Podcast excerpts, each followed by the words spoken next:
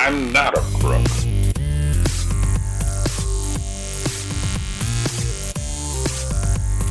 Because they are. Welcome to Presidential Deathmatch, the only presidential debates that matter on today's program. I have Newt, Dennis does a drum solo, and long extended silences. We continue our debate on which president would have the best amended presidency, and for that, we're switching to an Eisenhower Stevenson style debate because we're doing this all over again. All that and more on today's Presidential Deathmatch.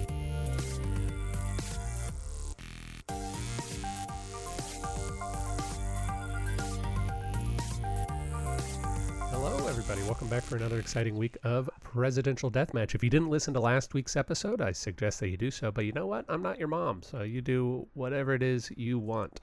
We're going to pick up in the middle of the conversation that Dennis and I were having about constitutional amendments, and then you will hear the second half of our debate. And once you hear the second half of our debate, you'll be able to find the poll in the description below and uh, and do all that fun stuff that we usually do. All that being said, even though this is a two-parter, some things were still cut out, and I briefly, very briefly, want to discuss those. So, number one, Dennis and I, you're, you're going to hear a conversation on term limits for congressmen, and Dennis and I briefly had, and by briefly I mean 20 minutes, had a conversation about whether that was good or bad. Dennis's argument was essentially that they would stop running for reelection at that point, and my position was that they would just be running for a different office. And I think Dennis kind of came around on that by the end. And then the second thing was that in between three weeks ago when we first recorded the game and last week when we released the episode, another constitutional amendment was proposed in Congress, and I had Dennis try to guess at that. It didn't go over so well and the conversation was fine, but nothing too exciting. The constitutional amendment that was proposed was a new version of the ERA. The ERA being the Equal Rights Amendment. Uh, citizens of the United States may not be discriminated on based on sex, and it was introduced in the 70s and failed ratification by a few states, I think three states. And it has come back in the news. You probably know how it's already come back in the news uh, because you're living in the present. If you are interested in that topic, I'd recommend that you go and find Mrs. America, a television show that premiered on FX last year. In general, the the key tenets of the conversation was that Dennis thought, well, this sounds like a good amendment, and I said. Maybe, but I think its provisions are already covered by the 14th Amendment, and I prefer to have fewer laws rather than superfluous ones. With all that said, we are back into our constitutional amendment conversation. Another very popular set of amendments are term limits for congressmen. We have term limits for uh, for the president currently, and we want term limits for congressmen. So I'm going to ask you, Dennis, which of these were proposed term limits for congressmen in the amendments? Three terms for representatives and two terms for senators, six terms for representatives and two terms for senators four terms for representatives or and two terms for senators or three terms for representatives and two terms for senator. And the question is, which of those is real, really something that happened? Which, yeah, which of those is the one that was proposed? So they all were two for senators. Yes. And then it was six, four, three. Three for two. representatives and two for senators, six for representatives and two for senators, four for representatives and two for senators, or three for representatives and two for senators. Three, six, four, two. No, no. For sen- Six for the House and two for the two. Senate. No, sorry, three for the House and two for the Senate. Six for the House and two Six for the, Senate. House and two for the Senate. Four for the Four House for the House and uh, two for the Senate, two for or the Senate. three for the House and two for the Senate. Wait, what was the first one you said? Three for the House and two for the Senate. Wait, so what's the difference between the first and last one? Uh, They're very different. Three for the House, two for the Senate. Uh huh. That's the first. Six. That's the first one. The first one is three for the House, two for the Senate. and the last one. Uh, the the last one is three for the House, two for the Senate.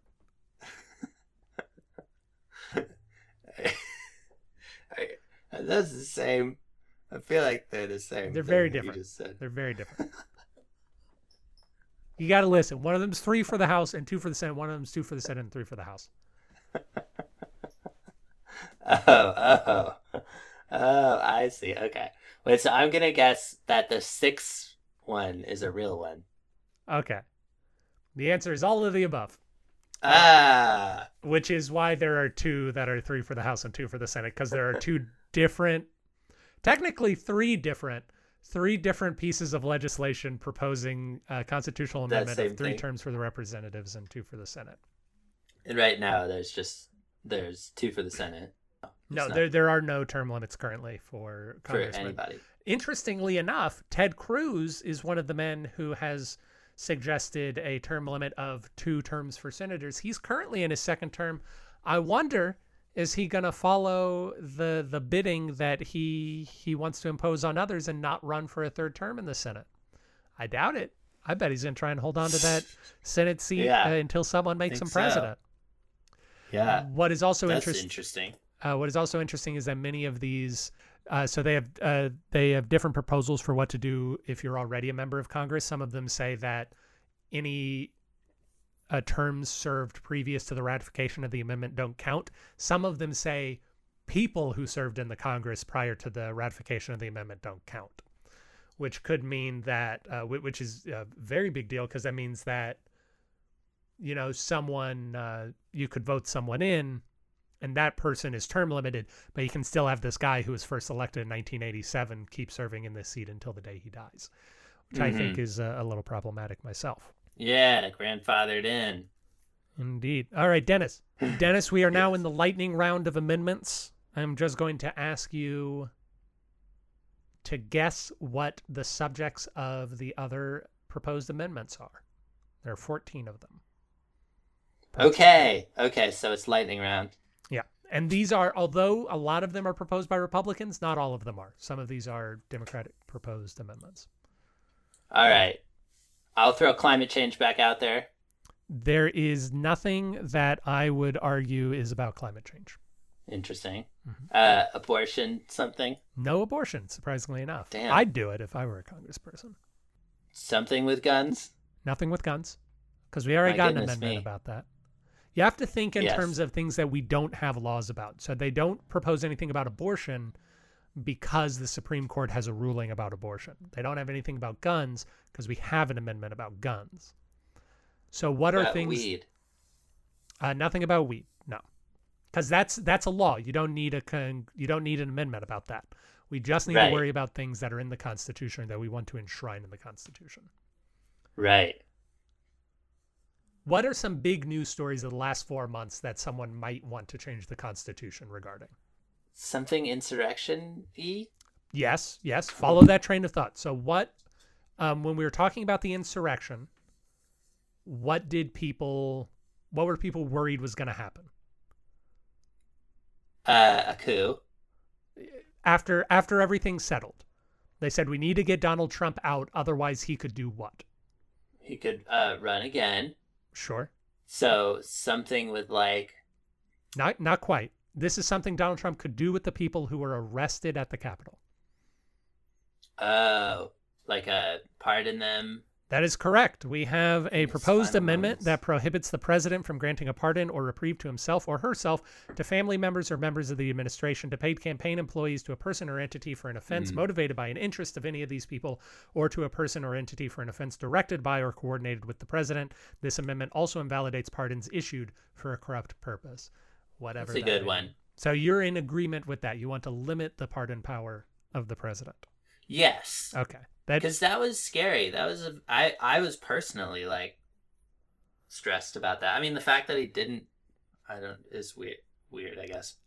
Yeah, I would probably want to amend it in a different way, similar to the way that Texas pardons work, where the president still can pardon anybody, but that it, it has to be recommended by a nonpartisan pardon board, which is what most presidents use. There's this department that will recommend people for pardons, and most presidents, apart from Donald Trump, listened to them and followed it. And I, I wouldn't mind that becoming an official part of the process Yeah. instead of That's just it. saying that the president's family campaign, the people who work with the president can't be pardoned because it is possible that justice may not be served. Uh, they they are as susceptible to to poor justice as anybody else's. What about like executive orders and stuff? I feel like people are worried about executive orders. Not people Being in Washington. You know, normal people All might be worried about executive orders, but not people in Washington. Back in October, Back in October, we had a guest on to talk about this topic. oh man, this is testing my ability that of recall for sure. Supreme Court justices. That's correct. So, Of course. So there's an amendment related to the Senate being able to block Supreme Court justices in the way that they have done it. no, that that would be a nice amendment, but that one has not been proposed. There are two proposals by Republicans. What are Okay. Republicans worried about now that Democrats have the House and the Senate? Uh, making 50 Supreme Court justices. Yes, exactly. So we have two amendments. One saying that the court may not have more than nine justices. That from Marco Rubio. And Dusty Johnson of South Dakota says uh, has proposed an amendment that there must be exactly nine justices. Do you have an opinion on those amendments? Uh, I it that one the the situation as it stands today seems like a ticking time bomb. Okay. Um, I don't know why we have to do an odd number. Um, hmm The the reason for that being that you uh, you don't have any split decisions. yeah, yeah. always have a but I feel like it just encourages it to be like more partisan than it really needs to be. I would But I guess yeah. we don't have time to dig in the conversation, but I would disagree, and I would say you can look at most most court decisions are made 9-0 or 7-2. Uh, By my reckoning, there are five amendments that have to do with voting rights in some form or fashion. So, do you want to guess what the five amendments having to do with voting rights are? None of this is big stuff. None of this is establishing new offices. None of this is establishing anything uh, big or greatly changing the makeup of how we do elections. It's just about who gets to vote. Yeah. And it's they're Republican things. Many of them are Republican, some of them are Democrat. Um Actually, I'd think, say like, that in, in this case, uh, three of the five are Democrat, two of the five are Republican. Ah. Well, is there something with IDs or like uh, making sure that identification is more? No, that that's why I'm saying none of it is big scale stuff. None of it is changing how we elect people exactly. It's who is allowed to elect. Who is allowed to vote is is what we're looking at for these voting rights ones. Yeah, that's what I was.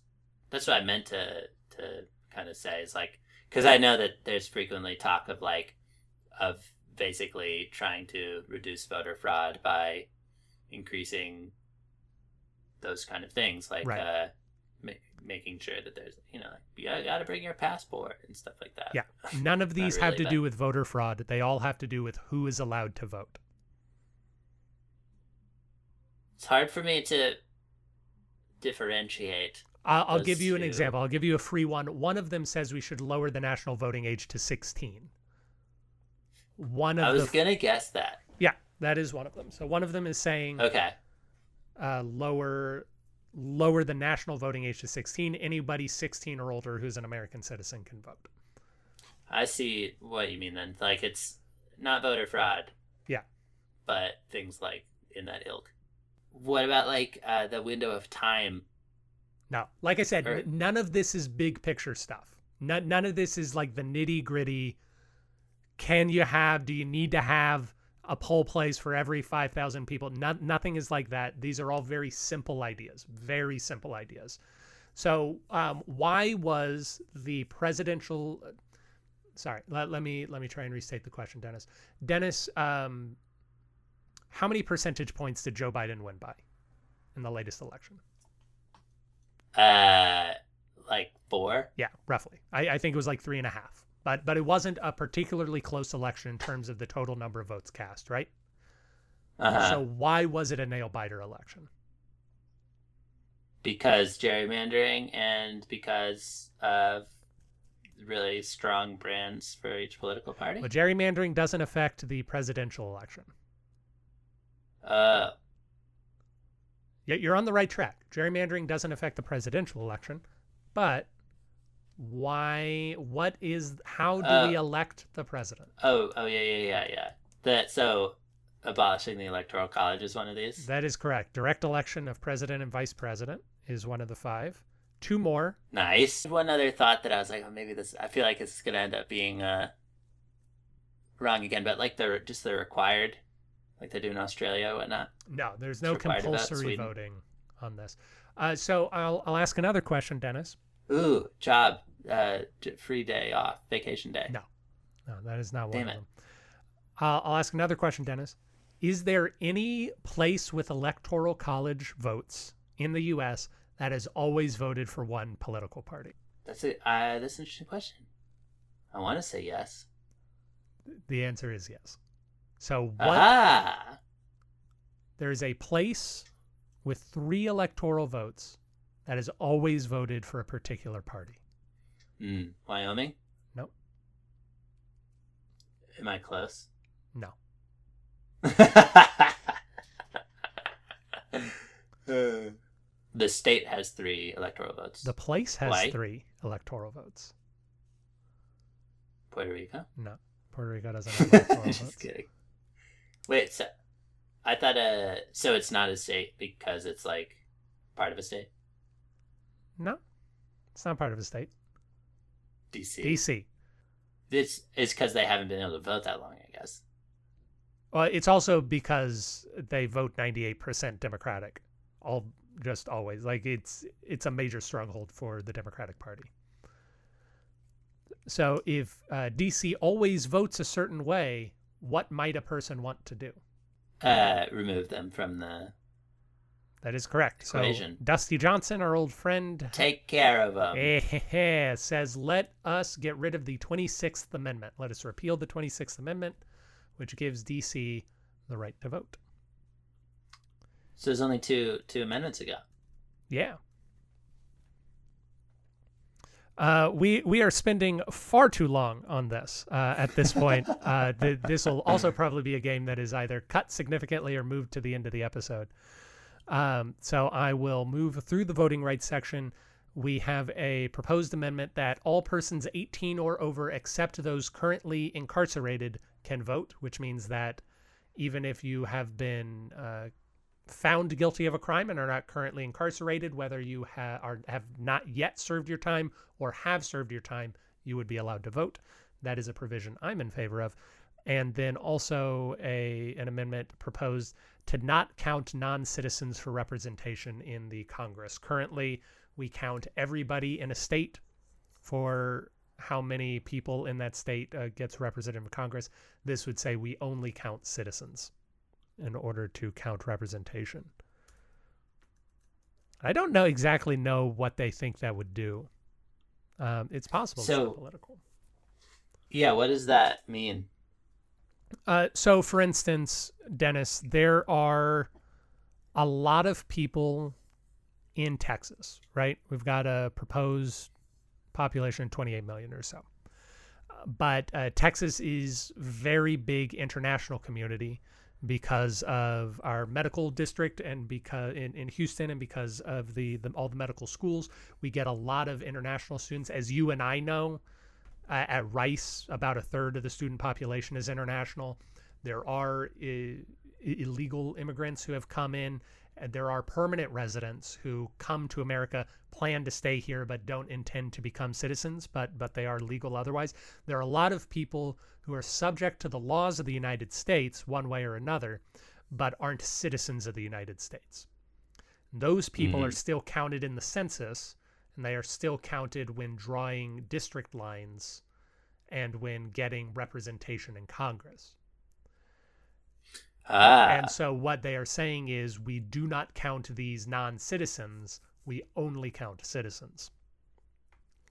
interesting. Yeah. So that you could knock out like one elector or something like that for for a state, maybe. I, I don't think so because I don't think that there is a particular bend towards states because Texas has a high non-citizen population, but so does Georgia, so does California, so does New York.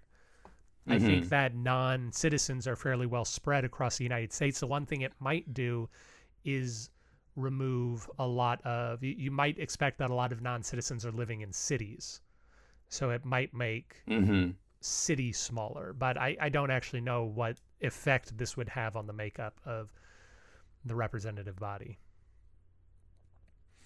Interesting. Yeah, and as far as like illegal immigrants, I, I don't think that'd even be city Yeah. focused either. No. But I guess that's a very specific piece of it. Right. Uh, but that is a proposal. Uh, I'm going to go through these last few very quickly, Dennis, and I just want you to tell me whether you like them or dislike them. Okay?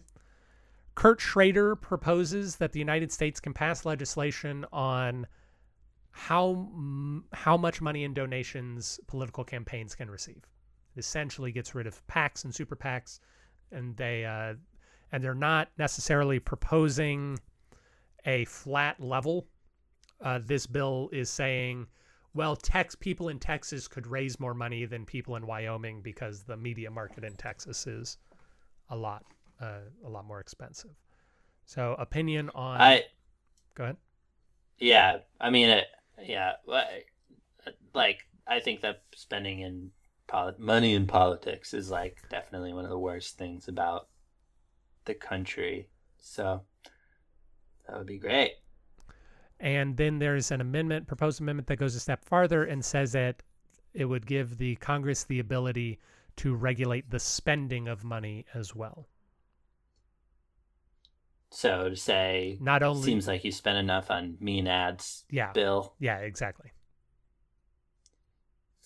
kind of kind of aggressive, but I mean they're not you know it's not not exactly a marketing tour de force in Congress, but uh, I don't know. I mean it's so hard for me to. I feel like I just don't know enough, but like the, the I don't know why that would matter. Like I, I guess like yeah, like why not just limit it?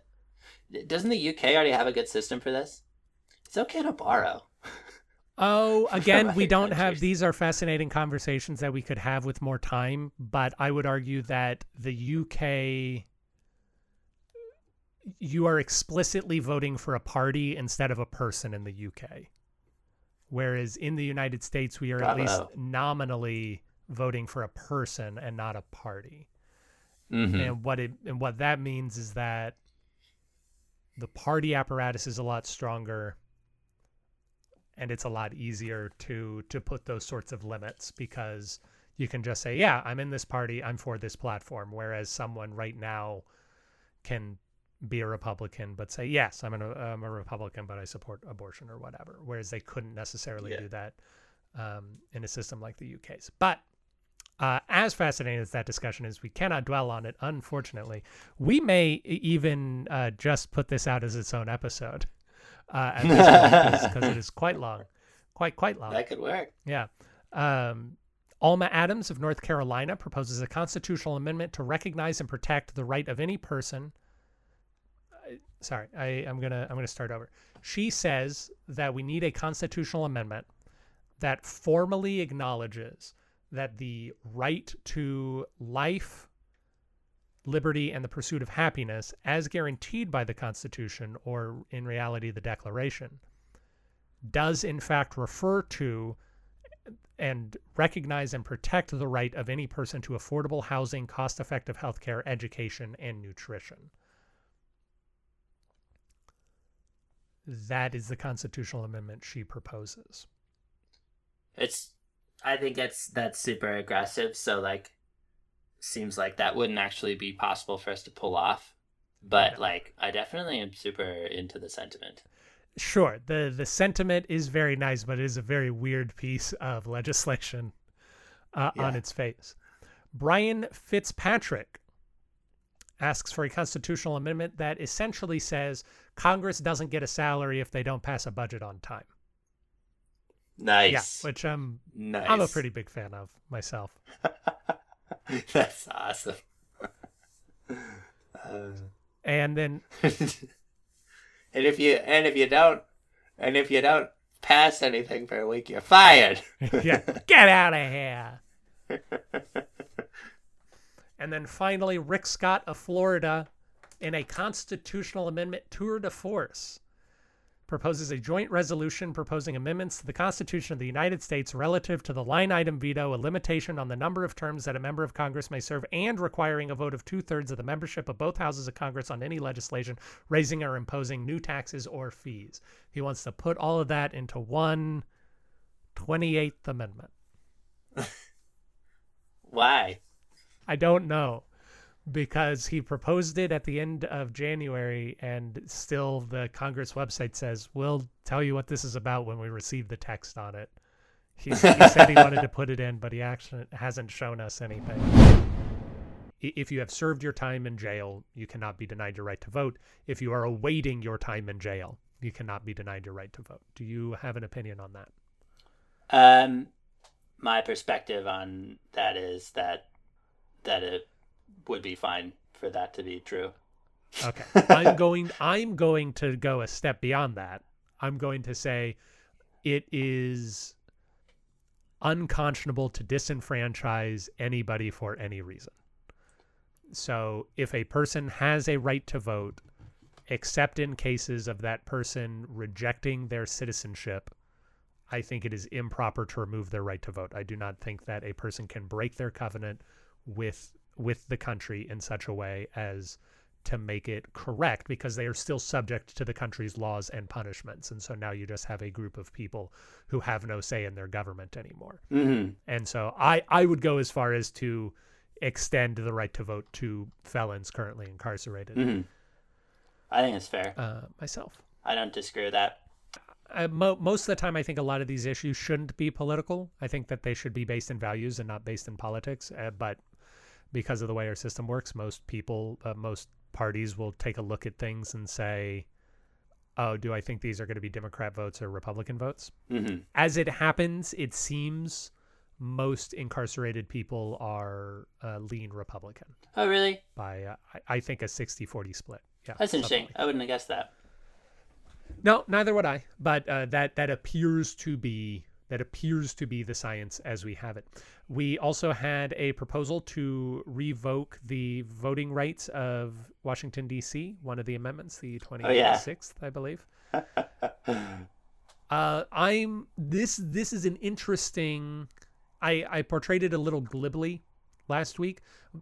It is uh, not something we should do, but I think it is a more nuanced uh, than than perhaps we originally said. Uh, so primarily this is because if DC becomes a state, right, which is something that people are pushing for, uh, there will still be a section of what is currently Washington, D.C.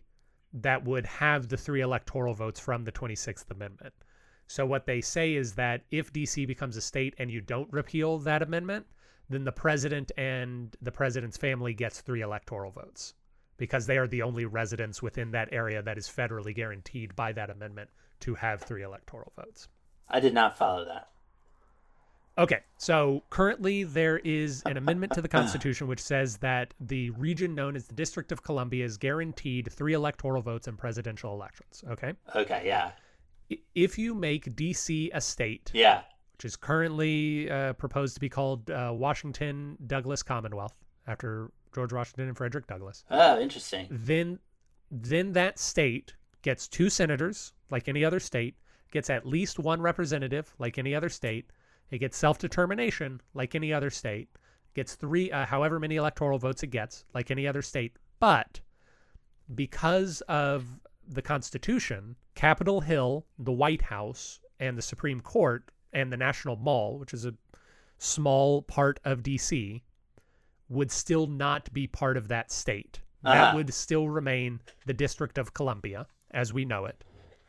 And that region of the United States is guaranteed three electoral votes by this amendment, which means that the residents of that area and the only residents of that area are the president and his family, the people living in the White House. Everyone else just would works get there. three electoral votes. Exactly.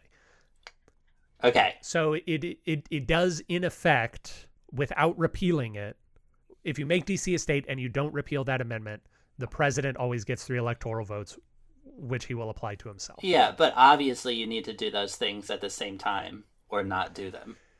I I agree. Well, I kind of agree. I think that there are other ways to do it. Uh, there was uh we're we're going to talk in the future about other constitutional amendments. There was an amendment that I really like and I'm kind of pissed off that it uh that it didn't pass, that it didn't get ratified. And that amendment was saying, "Okay, 26th amendment is gone. That's the one that gives DC voting rights. It's gone.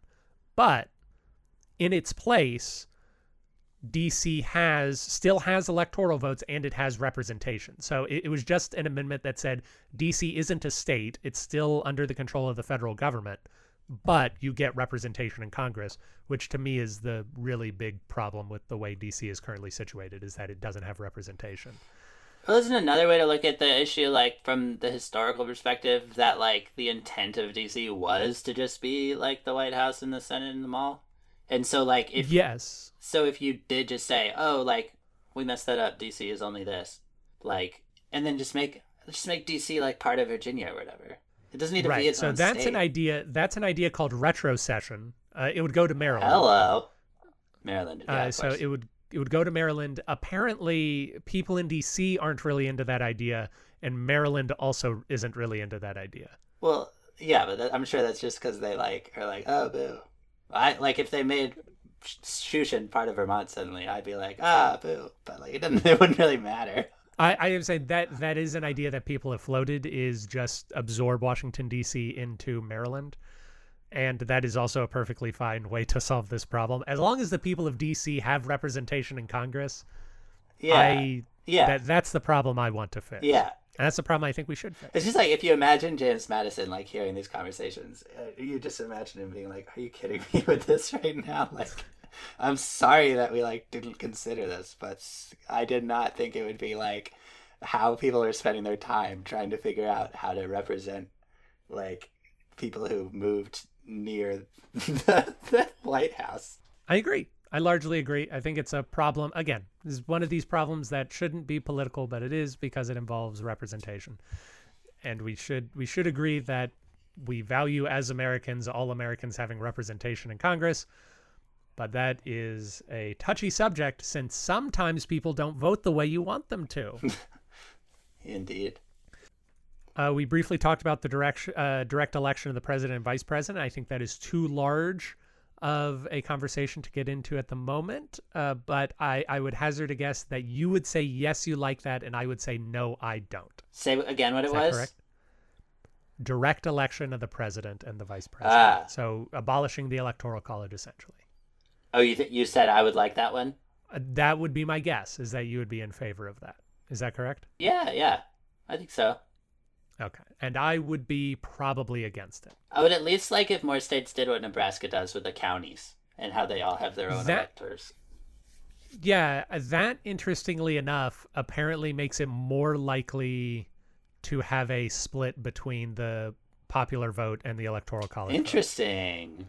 Yes, it Well, it has something to do with the way districts are draw it, it has something to do with how many safe districts there are in the nation and what their populations are is that you would have a lot of districts that are are voting very heavily for certain people and the districts that are more likely to switch between democrat and republican are ones with smaller populations Oh, right. Yeah. Interesting. so that yeah and you would almost certainly have to have some provision against gerrymandering if you are tying things that closely there's an int- man we're talking about it, i don't want to talk about it uh, there's an interesting thing that i'm in favor of which instead of doing what nebraska and maine uh, do uh, instead it awards pr uh, votes proportionally so it would be yeah. in California, uh, Joe Biden gets 75% of the votes and Donald Trump gets 25%. I don't think those were the actual numbers.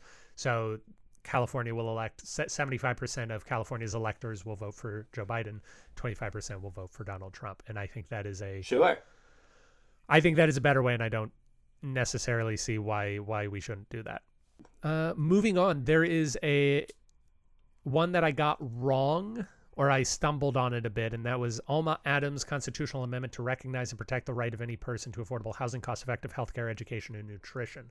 And I don't necessarily want to revisit that topic except to say I was very confused as to where she was getting things. I went back and read the text of the amendment as she proposed it, and all she says is as Americans we agree that we all deserve life, liberty, and the pursuit of happiness, and we agree that that means affordable housing, cost-effective healthcare, education, and nutrition.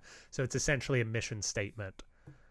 She she's trying to put a mission statement into the Constitution, which I'm against, but not as against as I was, not as confused as I was about it last week. Interesting. Mm. Uh, we are not going to discuss campaign finance donations right now, but we did discuss it uh, briefly where the government has, well, let's talk about it a little. So there are two provisions that say that Congress should have the ability to limit funds for elections. Mm. Um, you can only take in so much money, you can only spend so much money on this. And I now have several arguments against this idea. Would you like to hear that, Dennis? I would. That will enlighten me. All right. So, uh, so again, the the idea is that the the amendment would say that Congress can pass laws regarding how much money campaigns take in and how much money they're allowed to spend. Yeah. There's currently an individual limit. Uh, an individual can only give so much money to a campaign, but the campaign itself can accept as much money as people are willing. If we had an infinite number of people in the United States and they wanted to give their maximum contribution to a single campaign, they could. This is saying a campaign can only take in so much. So number one, there there's an issue similar to the amendment that allows for income tax, and it's saying that Congress is allowed to do this, but it's not actually saying what Congress is doing. So we what we are doing is giving Congress a new power, but we don't know how they're going to use that power. Right. As a citizen of the United States, I'm uncomfortable with that because it's just going to be another bargaining chip like taxes is currently Yeah. where one party will always jack it up and the other party will always bring it down, and it's just going to be frustrating. Uh, we discussed buddy mandering last week. Uh, we we had the return of the buddy mander, Indeed. And this week too. and this week as well. MMT. And yes, with this sort of law, it would be very easy for Republicans and Democrats to say, "Well, you uh, uh, a party that received forty percent or more of the vote in the last election can take in." a million dollars, but any new campaigns or any new parties that didn't get that much money, you can only take in 500,000. It would be very easy for the people in Congress to permanently hobble third parties or new parties from growing because they already are doing that. They are already saying, uh, for instance, I don't know if you knew this, Dennis, if you wanted to, if you had the money and you were motivated to do it, you could give about $80,000 to either the Republican or the Democratic Party in a calendar year. And you could do this by donating directly to the party and directing uh, donating directly to the candidates in your district and your Senate. Like the total amount of money you could give to the Republican or Democratic Party is about $80,000, right? The total Alrighty. amount of money you could give to the Libertarian Party or the Green Party or the Delta Party or any of these minor parties is $5,000. That is because of the way campaign finance rules are currently written, because Republicans and Democrats have conspired to make it difficult for new parties to get money. That's so evil. Wow. It is very evil, and I I see no reason why they wouldn't use this new power to do the exact same thing. It's like I listened to a podcast about printers, and apparently they like HP got caught pushing software uh, over Wi-Fi to your printer that would cause it to stop working if they detected that you, that you were using ink that wasn't from HP. It's so That's- evil, and I It's very knew evil. it. Didn't you know it on some level? And and now and then just to be like, wow, it's like worse than I thought it was. They they do currently set up the system in order for them to continue winning. They will continue to do so, and they will write uneven laws in order to make it happen. And that is one reason why I would say that we do not need this. And the last reason is essentially that um, that this is this is going to go a little long, but I think it's an important point. Dennis, you have probably heard that the campaign that gets the most money often wins, Mm-hmm. right? Sure. And a lot of people take this to mean if you can get the most money, then you can spend it and you can get your message out there and you can advertise. And voters are so dumb that they, uh, whatever they see a lot, that's what they're going to vote for. Which is to say, you get money then you get elected. But it's a little bit money... of a chicken egg thing. Well, yes, I would I would say that money is more a symptom of a very interesting candidate. Right. And so that if you are a very interesting candidate or a very popular candidate, then people want to give you money and then you are able to use that money to get your word out there more. And so the money is less of a a boost that helps push up a mediocre candidate so much as a reward for an excellent candidate. We can see this a little bit with Beto O'Rourke because Beto O'Rourke was a massive fundraiser here in Texas, and he did much better than MJ Hegar did in terms of uh, in terms of raising money. And then also speaking of MJ Hegar, MJ Hegar massively outraised John Cornyn. She lost. Sara Gideon in Maine massively outraised her competitor. She lost. Amy McGrath in Kentucky majorly outraised Mitch McConnell. She lost. Jamie Harrison in South Carolina majorly outraised Lindsey Graham. He lost. The, I, I think the relationship between money and campaigns is a lot more complicated than people are painting it to be. Mm -hmm. And there is always going to be a need for a way to differentiate.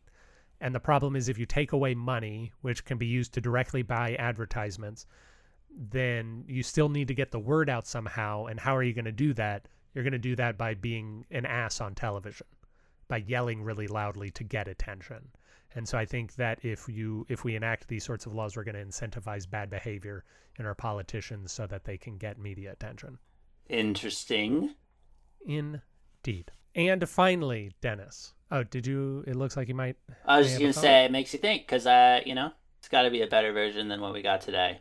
Um, but I know it would take a lot of effort to get there. But it's an interesting, interesting thing. Dennis, we have gone way too long. So uh, let us uh, say that we are breaking here and we will return for the debate. Uh, okay, I uh, we we are not entirely dissimilar in our arguments, Dennis. I, I will say that uh, because I'm going to be talking about Bill Clinton, but I'm also going to be reaching far before Bill Clinton's presidency to amend something and and look at what that may have changed for his presidency itself. Nice. And that is I am going to say Bill Clinton's presidency and the entirety of America would have been much better off had Newt Gingrich never been elected to the House of Representatives. so to set the to to set the stage uh, a little bit uh, in in the 90s and then go back in time and see how we got there. Newt Gingrich was the Speaker of the House from when the Republicans took the House in 1994 until Newt Gingrich's resignation in 1999. While he was Speaker, he massively overhauled the way the speakership ran things. That has continued to this day. I, am not going to get to go into all of the details, so I hope you'll ask me a follow up question and uh, in the follow up questions. But but let us just say that a lot of the dysfunction of Washington D.C. today can be laid directly at the feet of what Newt Gingrich did as Speaker of the House. Before that, though, he, when he was running for Congress for the first time, he's first elected in the election of 1978, where Republicans are still dealing with the fallout of Watergate and they are losing numbers. And Newt Gingrich looks around and says, Hey, we haven't been in power for 30 years. We're incidentally, we're not going to be in power for another 20, but we haven't been in power for 30 years. All of you are walking around like it's a funeral in here. The Republicans need to um, stop being so nice and start getting real. We need to start calling Democrats anti-American and we need to start calling Democrats anti-flag and we need to start calling them socialists and we Newt Gingrich is the guy who starts all of these ideas. He says the best way to do everything is to become combative. Uh, and and he uses this rhetoric to get into the House of Representatives and once he's in the House of Representatives he decides he's one of the first congressmen to say, "Oh, look, C-SPAN is now in we we are now broadcasting let me be the loudest person in the room so I can get media attention. And once I get media attention, I can start talking about whatever I want. And so he would go into the hall when no one else was there and just do loud, angry rants. And because the C SPAN, and, and this is still true today, by the way, Dennis, because the C SPAN camera is only looking at who is speaking, nobody knows that the hall is empty. No one, nobody knows that Newt Gingrich is yelling to empty seats, and that is what Congress people still do: is they will wait until the hall is empty, and then they will go deliver a passionate speech and it will look as though they are a very courageous individual when in fact everyone is on their lunch break. Uh, he decides that the best way for the Republicans to take power is to attack Democrats. Like I said, he nationalizes the election of 1994, which uh, certainly has knock-on effects to to this day. Uh, and in general, he is a man who is directly responsible for injecting more money into politics more incivility and obstructionism. And I believe that if Newt Gingrich had been removed, Bill Clinton's presidency would have gone much better for a variety of reasons. Again, I hope you ask me about Bill Clinton specifically, and that the country as a whole would be better off today. Interesting. I don't know much about Newt, and now I know a little bit about Newt. There we go. So, uh, a smart fellow. Uh, sly, sly, I'd say. Yeah, for sure. Um, and you had asked me to follow up on basically, yeah. Well, I thought basically that you did everything. Yeah, basically everything. But I feel like you fo- you followed up on a lot of his strategies and stuff, or you you you spoke more about them. But I Um, yeah, I I didn't talk about what he did while he was speaker that is still hurting so much of Congress today. so yeah, so let's hear about that. So he enacts a number of changes. The the big ones is he uh, some of the big ones are, is that he says uh, we can't have Republicans being friends with Democrats. Because previous to that all congressmen would live in DC and they would often live in boarding houses that they could afford. And so people of different political parties are living in the same townhouse essentially. Their kids are going to the same schools. So they're meeting up. Their kids are becoming friends. They go out golfing on the weekends together. Newt says we can't have any of that because we need to call them monsters and we can't be friends with monsters. So what I want y'all to do, Republican congressmen, is don't move to DC. Stay in your home district fly to DC when you need to vote. But other than that, um, don't come here. Don't become part of the culture. What this does is it leads down to a breakdown. And it, well, it does exactly what Newt wanted it to do. It just means that now Congress people aren't having the bipartisan friendships that they used to. They're not going out for drinks. They're not seeing each other on the weekends. And then they aren't able to do these sorts of conversations or find common ground. Another thing that Newt did is he knew because he is a divisive, he, he was a divisive figure because he was so combative. He said, I need people in power behind me, which means I need to get rid of the old guard. And so he made a new policy that was Senate chairmanships were not going to go to uh, by seniority. Before, if you were the longest member, uh, longest member of the majority party in Congress serving on a committee, you would be elected to the chairmanship for a certain amount of time. And then you have to resign after, I think, six years. If you happen to still be the chairman, you have to resign. But it would go to the most senior member. And he said, no, no, no, we don't want to do it. We want to do it by merit, whoever I think is best. And so what happened was chairmanship started going to whoever uh, raised the most money for the party. And so Newt started demanding that Congress people spend all of their time raising money for the Republican Party.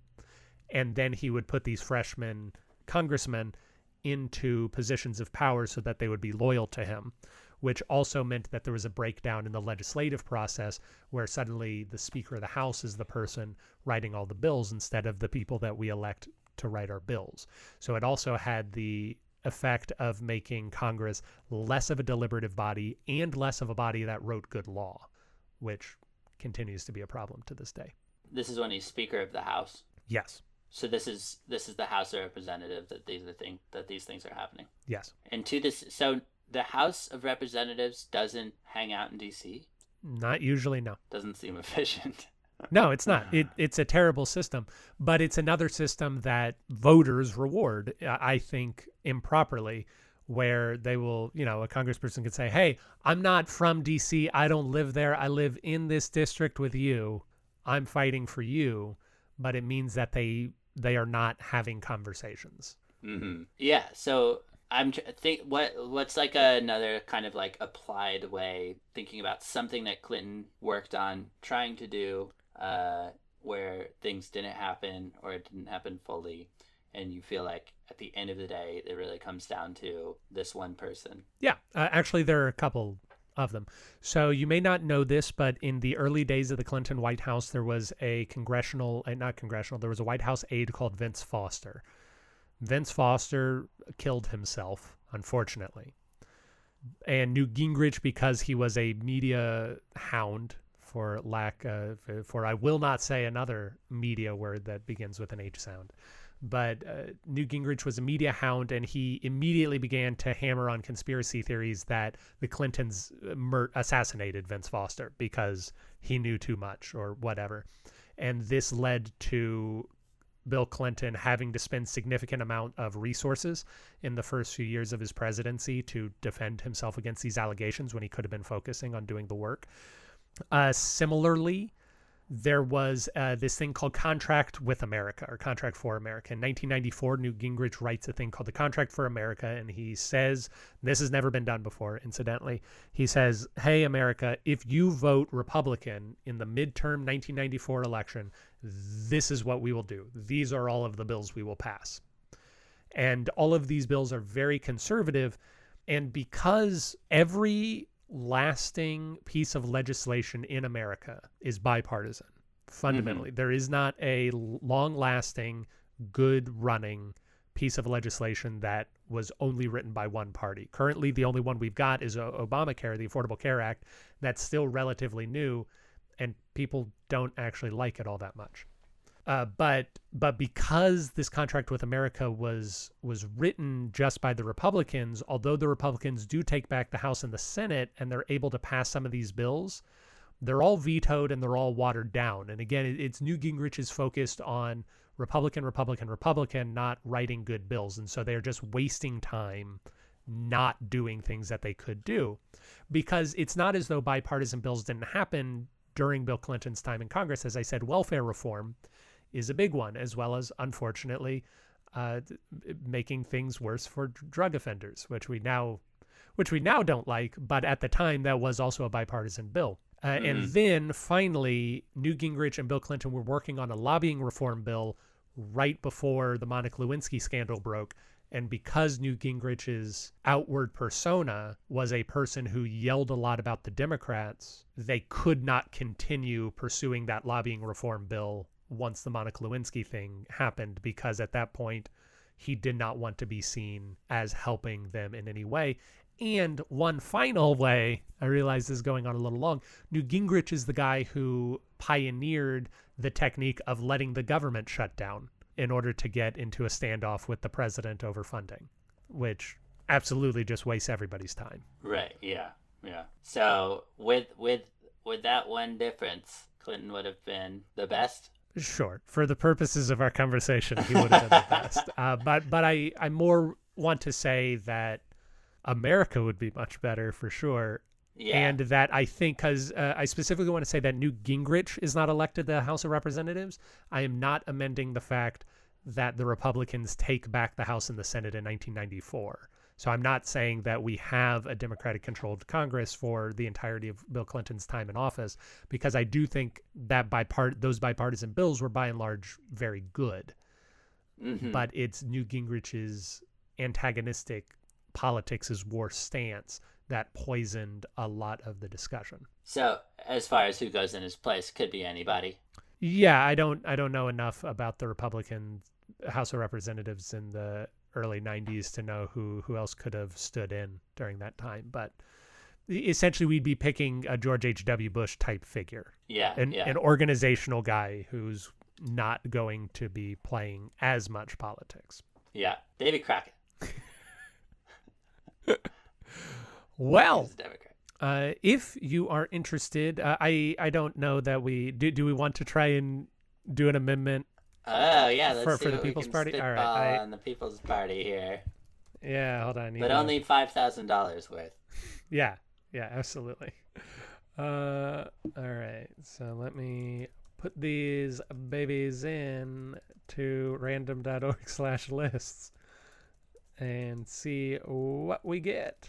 I think uh, a pretty easy one to say would be W. Bush and 9/11 not happening. 9/11 Yes. I, I think that would have been a pretty strong. I I hesitate to say best, but he at least would have been focused. As it as it happens, Bush is what random.org slash list gave us. Oh, that's funny. Yeah. So so we can talk about that very briefly. So if 9/11 doesn't happen, obviously we don't get into the massive wars that were still ongoing.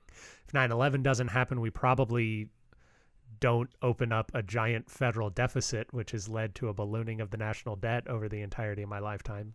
And if 9/11 doesn't happen, George W. Bush probably continues to focus on his educational reform and is more of a domestic focused president. Uh, all of these I think are good.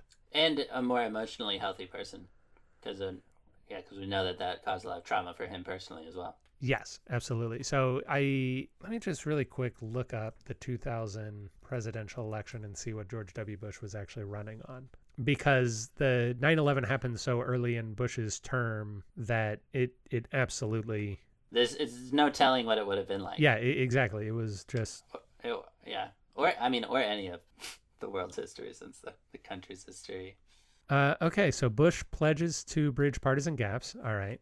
True. Like, but you're always going to say that. Indeed. It focuses on how to use the projected budget surplus. As it turns out, war is how we decided to use that budget surplus and also Ah, turned it yes. into a deficit. Reform Social Security and Medicare. And uh, both people were talking about tax reduction and foreign policy. So it, it really does seem as though we probably would have had a slightly more conservative, slightly more conservative version of Bill Clinton's second term with George W. Bush had 9 11 not happened. And I wouldn't be surprised if George W. Bush is not reelected in 2004 Mm. in that particular case, which uh, leads to a completely different United States. Yeah. And, and impossible to imagine. Indeed. Oh, Bill Clinton was he related to DeWitt Clinton? I don't believe so. DeWitt Clinton, friend of and then enemy The podcast. of of Martin Van Buren and the podcast. Uh, even if Bill Clinton's adopted father was related to DeWitt Clinton, Bill Clinton would not have been related by blood because uh, he was, of course, Sure. born William Jefferson Blythe. If you are so moved, you can vote for the winner of this bizarre amendment brain experiment, we'll call it, at the link in the description below. If you enjoy the podcast, please send us an email at contact at pronoiatheater.com. You're going to hear that in the credits in, in just a moment, but I, I think it's always good to talk about. Dennis, until next week.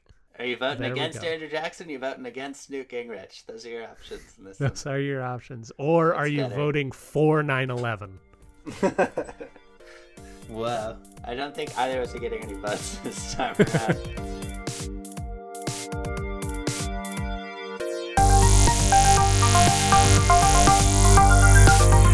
Thank you for listening to Presidential Deathmatch. Presidential Deathmatch is a production of Pronoia Theater. You can find more out about us at pronoiatheater.com. This program was edited by Aaron Garrett with music by Dennis Buddy and hosted by those same two lovable goofballs. You can always email us at contact at pronoiatheater.com. If you enjoyed the program, we ask that you rate and review wherever it is you found us. It really helps us out. And if you didn't like the program, why don't you stick around? We really grow on you.